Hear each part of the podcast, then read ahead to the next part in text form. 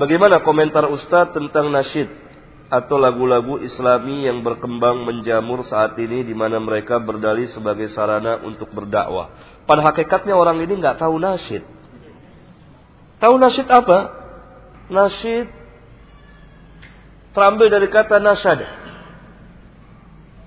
yakni apabila seorang itu mengeraskan suara, dia bernasyid. Mengeraskan suara, meninggikan eh, disertai dengan semacam ucapan pantun gitu ya. Pantun apa apa ya? Puisi ya. Puisi ya. Uh -uh.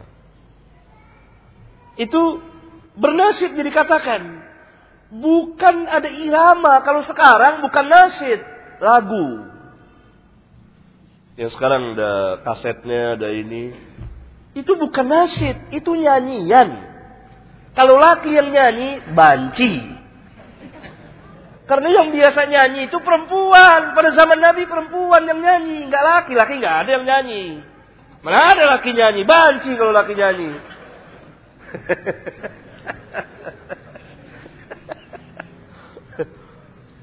ada laki mana ada nyanyi. Laki bersair. Nasid. Begitu. Kalau itu dia bernyanyi boleh. Tapi kapan? Di mana? Penyanyi untuk suaminya saja dia nyanyi, nyanyi, saya gerendengan sama kemarin nggak apa-apa dia nyanyi.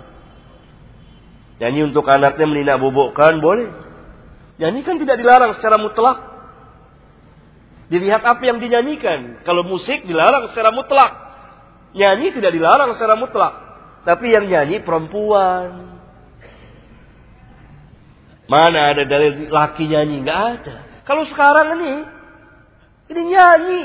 Nyanyi, saya pernah lihat. Wah, ini nyanyi nih. Nyanyi nih. Iya. Konser nasid ya. Konser nasid. Bukan nasid, ini nyanyian. Ini nggak tahu tentang nasid. Itu secara lugawiyah dan istilahiyah. Menurut lugah bahasa dan istilah nasid itu. Seorang meninggikan suaranya itu bernasid.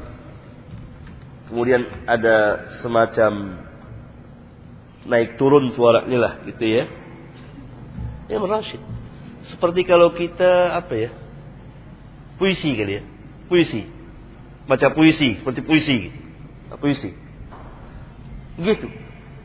Yang kedua, nasyid bukan dari Islam, tidak masuk ke dalam bagian Islam. Karena itu salah satu bid'ah yang tersebar adalah mengatakan nasyid Islami. Nasid kebudayaan bangsa Arab.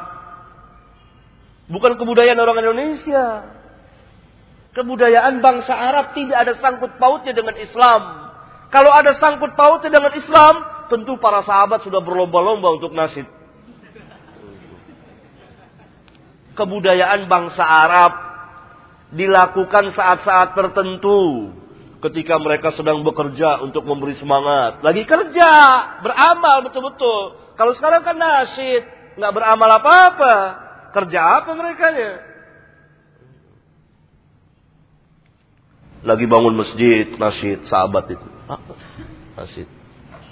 Sekali-sekali pada waktu-waktu tertentu. Kalau sekarang setiap hari. Maka bukan nasid Islam.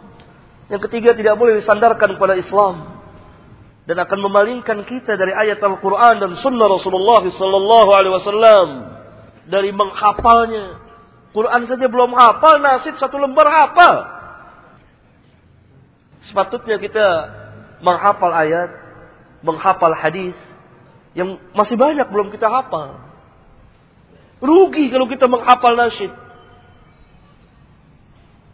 Yang keempat, nyanyian-nyanyian ini memang qasidah ini dibuat oleh orang-orang sufi pada pertama kali. Namanya berbeda-beda dari zaman ke zaman. Dulu namanya ini, terus dulu namanya kosidah dan terus sekarang masih ada itu kosidahan. Hah? Terus sampai terakhir nasyid. Karena orang sufi erat hubungannya dengan nyanyian. Maka tokoh-tokoh sufi itu biasa bernyanyi dalam dakwahnya di mana. Bahkan ada tokoh sufi modern itu sering bernyanyi.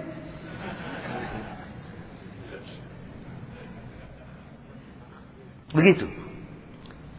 Oleh karena itu para ulama mengatakan ini suatu bid'ah. Bahkan lebih keras lagi para ulama mengatakan haram berjual beli kaset nasyid. Lihat semacam fatwa Syekh Thaymin, Syekh bin Bas, Syekh Albani.